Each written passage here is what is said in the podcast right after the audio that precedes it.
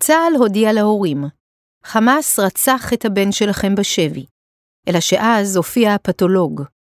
תעלומת מותו של רון שרמן. מאת נועה לימונה. קוראת יפעת ניב ברק. הוקלט על ידי המרכז לתרבות מונגשת מייסודה של הספרייה לעיוורים. עריכה טכנית, אלעד לוין. כמה ימים לפני שהגיעה הבשורה המרה על מות בנה בשבי חמאס, דוקטור מעיין שרמן הרגישה שמשהו רע קרה. באופן מוזר, היא אומרת, עד אז הייתי יחסית רגועה. ידענו מהסרטונים שרון נחטף בחיים ושלא היה פצוע, ובהמשך אמרו לנו שקיבלו ממנו אותות חיים. למרות זאת, בריאיון לזמן אמת בכאן 11, שצולם ושודר לפני שהתבשרו על מותו של רון, היא אמרה, הפחד שלי הוא שוויתרו עליהם, שתעשה שם פעולה קרקעית שתיגמר בהרבה הרוגים. אני לא דואגת בגלל חמאס, אלא בגלל ממשלת ישראל. תחושת הבטן שלחה אותה להיפגש עם גל הירש ועם ורדה פומרנץ, ואלה לדבריה ניסו להרגיע אותה. הם אמרו לי שוב שהמחבלים שומרים עליהם, שהם האתרוגים שלהם ושהכול בסדר, היא מספרת, אבל הייתה לי הרגשה חזקה לא טובה. למחרת, ביום שישי בבוקר, הגיעו המבשרים. אמרו לנו שרון נרצח בשבי חמאס. זו הייתה לשון ההודעה, ושאלו אם אנחנו רוצים שתבוצע נתיחה. היות שזה אומר דחייה של ההלוויה לאחרי סוף השבוע, סירבתי. רציתי לגמור עם זה כבר, וגם לא רציתי לדעת איך בדיוק הוא מת. הרי אמרו שחמאס רצחו אותו, ואני יודעת כמה הם אכזריים, אז בשביל מה אני צריכה לדעת אילו התעללויות עבר? אם כרתו את ראשו או ירו בו, קברנו אותו בקבורה צבאית רגילה. מרגע הבשורה הנוראה, המחשבה על כך שבנה נרצח בידי המחבלים לא חדלה לייסר את שרמן. כשהייתי הולכת לישון ראיתי לנגד עיניי איך מתעללים ברון. כשאומרים לך שהוא נרצח ואת לא יודעת איך, את מדמיינת את הכי גרוע, היא מסבירה. אבל שבועיים לאחר מכן, התגלה כי אין סימנים שמעידים על כך שרון נרצח על ידי המחבלים, כפי שנאמר למשפחה. הגיע אלינו פתולוג. מתברר שאומנם לא עשו לו נתיחה, אבל עשו CT, בדקו אותו מכל הכיוונים, ולא מצאו שום פגיעה. לא היו פצעי ירי או דקירה, לא נמצאו רסיסים, שברים, פצעים חיצוניים, ולא סימני חניקה או הדף. קיבלנו דוח מפורט שעבורי כאימא היה אומנם מזעזע, כי זו הייתה גופה בת חודש, אבל סיבת המוות לא נמצאה. טיפת דם אחת לא הייתה שם. שרמן הופתעה מכך שהצבא פנה אליה מיוזמתו. לשאלה אם הייתה זו יוזמה של הצבא או של הפתולוג עצמו, משיב דוקטור אלון קריספין, יושב ראש האיגוד לרפואה משפטית, החתום על הדוח שנמסר למשפחה, שזה היה סיכום ביני לבין צה"ל. פניתי למשפחת שרמן משום שחשבתי שכאזרחים, מגיע להם לדעת באופן ישיר מה קרה לבנם, ולא דרך מסמכים ובירוקרטיות, הוא מסביר. יותר מכך, לא הסכים לומר. מאז הבשורה, מעיין שרמן זועמת, מאשימה ודורשת תשובות.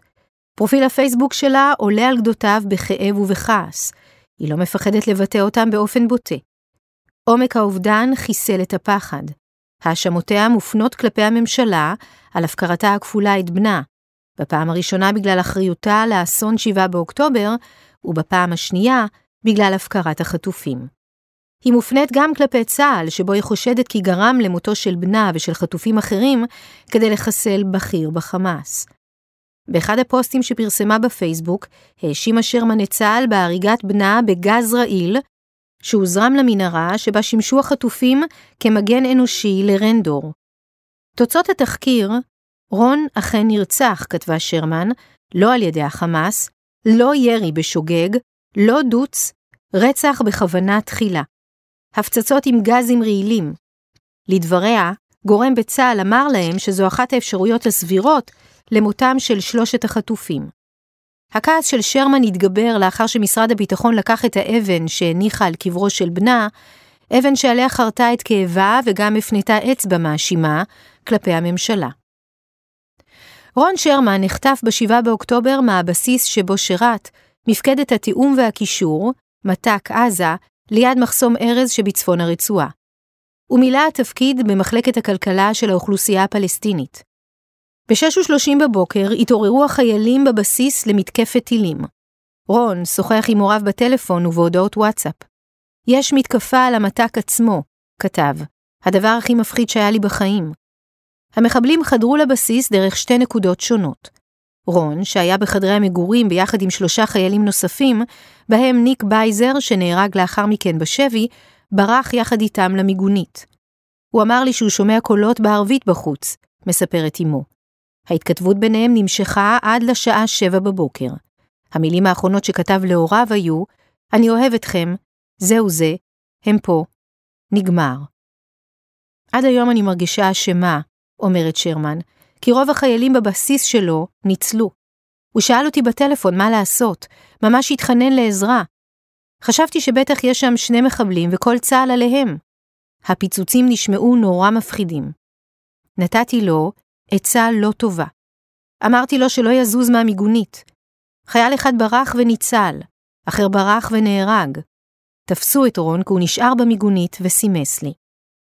רון לא היה אמור להיות בבסיס באותה שבת שחורה, ובכלל, אומרת שרמן, הוא התגלגל למתק במקרה. לפני שנה וחצי התגייס, הוא הספיק לעשות מיונים לצנחנים ולחובלים, אבל לא צלח אותם. אחר כך היה בקשר עם הנדסה קרבית. הוא חלם לשרת ביהלום, אבל בכנס מתגייסים בפארק הירקון, הוא חטף פתאום התקף אסתמה, ומיד הורידו לו פרופיל ל-64. מובן שהנדסה קרבית ירדה מהפרק. אני שמחתי שהורידו לו פרופיל, שלא יהיה קרבי. בדיעבד, זה מה שהרג אותו. הוא מצא את היחידה הזאת והגיע דווקא לשם. במת"ק לא היה כוח לוחם. מרבית חיילי הבסיס לא היו חתומים על נשק, ובכל זאת, אומרת שרמן, נתנו לנו את ההרגשה שזה המקום הכי בטוח בעולם. ב-14 בדצמבר, חודשיים ושבוע לאחר החטיפה, חולצה גופתו של רון ממנהרת חמאס בית ג'בליה, סמוך למקום שבו נהרג בתקיפת צה"ל, חודש קודם לכן, מפקד החטיבה הצפונית של עזה, אחמד ר'נדור. גופתו של רון חולצה יחד עם גופותיהם של בייזר ושל אליה טולדנו שנחטף מהמסיבה בנובה. היות שהוריו של בייזר אישרו את נתיחת גופת בנם, בני הזוג שרמן חיכו לשמוע אם תוצאותיה ישפכו אור גם על נסיבות מותו של רון, אבל הנתיחה העלתה מסקנה זהה. לא מצאו כלום. מוות מסתורי. לא ברור ממה הם מתו. אולי מאיזה כישוף, אומרת שרמן. כמה ימים לאחר חילוץ הגופות, פרסם חמאס סרטון, שבו נראים השלושה בעודם בחיים, וכתב כי הם נהרגו בהפצצות צה"ל. אבא של רון, אלכס, כתב בפייסבוק שרון נראה שם במצב גופני תקין, ולא שידר מצוקה. לפי ממצאי התחקיר שערך צה"ל והוצג למשפחה בשבוע שעבר, לא ניתן לשלול או לאשש שנהרגו כתוצאה מחנק, חניקה, הרעלה או מהשלכות של תקיפת צה"ל או פעולה של חמאס. אני מרגישה שאני בונה פאזל שהוא לא מסובך להרכבה, אומרת שרמן. לשבעה הגיע האלוף רסן אליאן, שהיה מפקדו של רון במת"ק, ואמר לי שהוא וניצן אלון, מפקד המערך המודיעיני לאיתור החטופים והנעדרים, ידעו איפה הם, החטופים, נמצאים. לעומת זאת, בפגישה בחטיבה 551 שאליה הגיע אלכס, נאמר לו שלא ידעו איפה הם ולכן הפציצו שם. זה בניגוד מוחלט למה שנאמר לי, וגם בניגוד להיגיון הבריא, משום שיכלו לצפות שבכיר כמו רנדור יקיף את עצמו בחטופים. לא נראה לי שלא ידעו, אז לפחות שיתאמו ביניהם גרסאות, היא אומרת במרירות. בפגישה של שרמן עם האלוף במילואים אלון, נאמר לה כי צה"ל לא ישתמש בפצצות לא חוקיות. עם זאת, אלון הבהיר שקיימת אפשרות שהשבויים אכן מתו משאיפת גז רעיל שנוצר מתגובה קימית משנית של הפצצות הרגילות. הוא אמר שצריך לחכות לתוצאות הבדיקה הטוקסיקולוגית, שתיקח כמה חודשים, אבל זו בגדר אפשרות. הוא גם לא שלל את האפשרות שהמוות נגרם מחוסר חמצן. אנחנו חיים בתחושה שהם סבלו נורא ואף אחד לא בא. אולי הם היו נעולים שם, היא מערערת בכאב. אמרו לנו שכשהגיעו לחלץ את הגופות, השער היה פתוח והגופות היו עטופות. משערים שהמחבלים חזרו לשם אחרי ההפצצות, כיסו את הגופות וברחו. לפני כן השער היה נעול כנראה. הממצא היחיד שמצאו בגופה של רון היו שתי אצבעות שבורות, ואני חושבת שאולי נשברו כשרון הבין שהוא הולך למות וניסה בשארית כוחותיו לפתוח את הכלוב הנעול. אני מכירה אותו. כשהוא נלחץ יש לו המון כוח. בני הזוג מעיין ואלכס שרמן, רופאים וטרינרים במקצועם, מתגוררים ביישוב להבים. רון בן ה-19 היה בנם הבכור, ויש להם עוד בן ובת. האחים היו משוכנעים, עוד יותר מהוריו, שיחזור מהשבי בריא ושלם. אחותו הייתה בהלם מוחלט כשהודיעו לנו שהוא מת. היו פה צרחות אימים בבית. לא רק סרטון החטיפה ואותות החיים שהגיעו מרון, אלא גם אישיותו המיוחדת, נסחו בבני משפחתו ביטחון שיחזיק מעמד. הוא אדם מאוד גדול וחזק, עם אישיות לא רגילה, מתארת שרמן. מצד אחד הוא היה מאוד מפונק, ילד שמנת שלא חסר לו כלום, ומצד שני הוא בדיוק האדם שמסוגל לעמוד בדבר כזה נפשית. הוא היה מאוד פיקח, כריזמטי ונחמד, בן אדם שהיה מסוגל להתחבר עם כל אחד. אני בטוחה שהוא הבין שהוא מוכרח להתחבר גם עם המחבלים כדי לשרוד, ושגם ידע איך לעשות את זה. הוא לא היה מכעיס אף אחד. הוא היה צ'ארמר מקצוען, שתמיד היה המרכז של כל חבורה. יש לו הרבה קבוצות של חברים, ובכולן הוא היה הדבק, היא ממשיכה.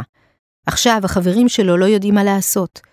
הוא היה זה שמארגן וקובע דברים. הוא היה אמור לארגן ערב צוות בצבא. היא מדגימה. אז הוא הזמין 13 כרטיסים ללארנקה ב-50 יורו. הם היו אמורים לנסוע בתחילת נובמבר. מישהו אמר לי שהוא חי כמו אדם בן 40. הוא הספיק כל כך הרבה ב-19 שנים, וחי כל כך טוב. איפה שלא זרקו אותו, הכל הלך לו בקלות. הוא היה מלא ביטחון עצמי. באחד מהפוסטים הרבים שמפרסמת שרמן בפייסבוק מאז שרון נחטף, היא כותבת: איבדתי את הבן הבכור שלי, החבר הכי טוב שלי, היועץ הכי חכם שלי, השקעת חיי, יצירת מופת, שבשנים הראשונות הרגיש בטוח לידי, ובשנים האחרונות זה התהפך. הרגשתי בטוחה לידו. הוא העוגן שלנו. חכם, בטוח בעצמו, בעל חוש הומור ייחודי, תחרותי בצורה קיצונית ולפעמים ילדותית, אבל תמיד מנצח. דווקא כילד קטן יותר, מספרת שרמן, רון היה ביישן מאוד. הוא היה חנון כזה, חסר ביטחון, שבוכה כל הזמן. הוא גם היה תמיד גבוה באופן מוגזם, וזה הפך אותו לחריג. כשהייתי לוקחת אותו לבריכה של הקטנים כשהיה בן שש, חשבו שהוא בן 12 וצעקו עליי להוציא אותו. היא נזכרת בחיוך. במעבר מהיסודי לחטיבה הוא ממש השתנה, ופיתח ביטחון. השנים כילד ביישן הפכו אותו לאדם שרגיש לחולשה של אחרים, מספרת אמו. סיפרה לנו חיילת ששירתה איתו שכשהיא הגיעה לבסיס, היא הייתה בדיכאון ולא מצאה את עצמה חברתית. היא אמרה שרון לקח אותה תחת חסותו וניצל את הפופולריות שלו כדי לעזור לה. היא אמרה שלעולם לא תשכח לו את זה. בפוסט אחר שפרסמה שרמן בפייסבוק, מופיע צילום של הודעה ששלחה אליה מורה בבית הספר אשל הנשיא. לימדתי את רון תנ"ך בשנתי הראשונה בבית הספר, היא כותבת. מאז ועד היום לימדתי בממוצע כאלף תלמידים, ולא את כולם אני זוכרת בשמות וברמה האישית. אבל חשוב לי לשתף שרון תלמיד שלא שוכחים. אני זוכרת אפילו את מקום הישיבה שלו. רון היה תלמיד מהמם, נעים וערכי. תמיד עם חיוך על הפנים וכן שאי אפשר לשכוח. בפוסט נוסף מופיעה תמונה של רון כשהוא כורת את עץ הלימון בחצר הבית. התמונה האחרונה שצילמתי את רון, כותבת שרמן בפוסט, צולמה שבוע לפני החטיפה. העץ הלימון המפואר שלנו בחצר מת באופן פתאומי. היה לפחות בן 25 שנה. רון התנדב לכרות אותו, תמורת פלייסטיישן, וכך צילמתי אותו. תמונה אחרונה בחייו. נשארנו עם פלייסטיישן חדש. פוסט אחר שלה מתחנן אל בנה המת. תחזור, תחזור ותעזור לי להמשיך, כי אני לא יכולה להילחם פה על מה שקרה לך ולנו כשאתה לא פה איתי. אתה הכוח שלי, החוזק שלי, ההשראה שלי. אז תחזור אליי, אהוב שלי. סליחה שלא הצלתי אותך. לא האמנתי שיקריבו שלושה בשביל בכיר אחד. בלי רון, שרמן אומרת, המשפחה מרגישה תלושה ומפוררת. הוא היה זה שמתכנן ומארגן הכל גם בבית. ארוחות שישי, מסעדות, נסיעות לחו"ל, טיפוס כזה, שאני לא יודעת איך להתחיל לחיות בלעדיו. עמוד תווך בבית. הרעיון עם שרמן נערך בשעת לילה מאוחרת. השעות שלי הן לא שעות, היא מסבירה. קולה יציב ובוטח, דיבורה שוטף, לא נשבר, והנימה שלה משדרת דחיפות. אבל בפעמים המעטות שבהן היא עוצרת את השטף, נדמה כאילו אזלו כל כוחותיה. כאילו לא די בכל הייסורים והטלטלות שעברו על משפחת שרמן, התווספה לטרגדיה האישית שלהם עוגמת נפש נוספת באדיבות משרד הביטחון. בהספד שנשאה בהלווייתו של רון, לפני חודש, סיפרה אמו כי שבוע לפני שנחטף, שוחחה עמו על המצב הפוליטי. אמרתי לך, איך דווקא בממשלה הגרועה בתולדות ישראל אתה מתגייס? איזה חוסר מזל, רונצ'וק. לא מגיע לך. לא מגיע לאף אחד מהנרצחים וההרוגים שאיבדו את חייהם במחדל הגדול בתולדות המדינה. הוריו של רון ביקשו לבטא את כאבם וזעמם באמצעות אבן שהניחו על קברו, שנחשפה ביום השלושים למותו. נכתב עליה כי הוא נחטף, הופקר והוקרב בעזה על ידי ממשלת המחדל באסון 7 באוקטובר. הכיתוב הזה, אומרת שרמן, מומן על ידי המשפחה ואושר על ידי קצינת הנפגעים. אך באופן מדהים, לאחר האזכרה, האבן נלקחה משם על ידי עובדת של משרד הביטחון. כחצי שעה לפני שיצאנו לאזכרה, התקשרה אליי אישה שלא הכרתי, מספרת שרמן. היא אמרה, שמעתי שאת הולכת לשים אבן על המצבה. אני אחראית מטעם ההנצחה ואני רוצה לדעת מה כתוב עליה. עניתי לה, זה משהו אישי שלי. לא אגיד לך מה כתוב, אבל אם את מתעקשת, תלכי את לאזכרה ואני אשב בחדר שלו. אני לא אדם דתי, אני לא חייבת להגיע לבית העלמין, היא אמרה. טוב, טוב. ואז שאלה אותי בזלזול כזה, אם כל כך חשוב לי לכתוב דברים כאלה, שבאותו רגע עוד לא ידע מה הם, למה בכלל קברתי אותו בקבורה צבאית? הייתי בהלם מהטון שלה, מהשאלה המתנשאת, מהבוז. רון היה כל כך גאה בצה"ל, עם התמימות שלו, היא ממשיכה. בסוף הטירונות הוא עטה על עצמו את הדגל של היחידה והצטלם. אף פעם לא ראיתי אותו זורח ככה. אז אחרי כל המחדל הנוראי הזה, שקרה בגלל ממשלה מחורפנת, הם לא רוצים שאקבור אותו כחייל? אז כמה? כמחבל? אחרי כל מה שהוא עבר שם, בעיניי זו אחת השאלות הכי מעליבות שיכלו לשאול. בסוף השבוע שלאחר מכן, הגיעה משלחת בראשות ראש אכ"א לבקר את המשפחה, וביקשה להשיב להם את לוח השיש, בתנאי שלא יונח בבית הקברות. ההורים סירבו ודרשו שיוחזר לקבר. הם דרשו גם התנצלות כתובה ממשרד הביטחון שלקח אותו ללא רשות. לדברי שרמן, אותה שאלה מבישה לגבי הקבורה האזרחית, נשאלה, אמנם בניסוח מנומס יותר, גם על ידי ראש אכ"א כשביקר אותם. תגובת דובר צה"ל לפרסום הדברים בתקשורת הייתה, הציטוט שיוחס לראש אכ"א לא נאמר על ידו. שרמן בטוחה שהסיבה ללקיחת האבן ולאטימות הלב היא פוליטית. אני לא רואה שום סיבה אחרת, היא מסבירה. אני לא אדם פוליטי, לא הלכתי להפגנות נגד ההפיכה המשטרית, למרות שהייתי מזועזעת מהממשלה המשיחית והמוטרפת הזאת, אבל לא חשבתי שזה יעלה לנו בחיים של רון. אני מתעוררת לפעמים וחושבת שזה כמו סיוט בהמשכים. התעללויות קטנות כאלה כל הזמן, והמדינה לא עוזרת לנו. גם כשרון היה חטוף, בלי המטה והמתנדבים המדהימים, אני לא יודעת איך היינו שורדים את החודשיים הראשונים. אין אף גוף רשמי שעוזר שמספק מידע. האסון של 7 באוקטובר, אומרת שרמן, הוא זוועה בקנה מידה היסטורי שעוד לא התחלנו לעכל. זה בלתי נתפס, אבל כשמסתכלים על זה בצורה מפוכחת, זה כנראה היה צפוי. הכתובת הייתה על הקיר בזמן שמדינה שלמה התעסקה בשטויות. צריך להיות חרדים מהעתיד, כי אותם הקולות של השנאה והפילוג עדיין נשמעים, היא אומרת, ורומזת בין השאר למסרים הרעילים שהוטחו בה מאז העזה להעביר ביקורת על הצבא והממשלה. זה לא החמאס שניצח אותי, היא מסכמת. מה שניצח אותי זה מה שקורה בתוך המדינה. עד שהאבן תוחזר למקומה, שרמן כותבת על המצבה של בנה בטושים, מילות אהבה וגעגועים מאימא לילד, ציורי פרפרים, וגם מסר אחד, ברור ומהדהד.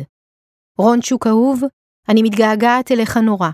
מבקשת סליחה על ההפקרות, חטיפתך הברוטלית, העובדה שהוקרבת בשביל רווח פוליטי אחרי המחדל הגדול בתולדות מדינת ישראל, שכל כך אהבת.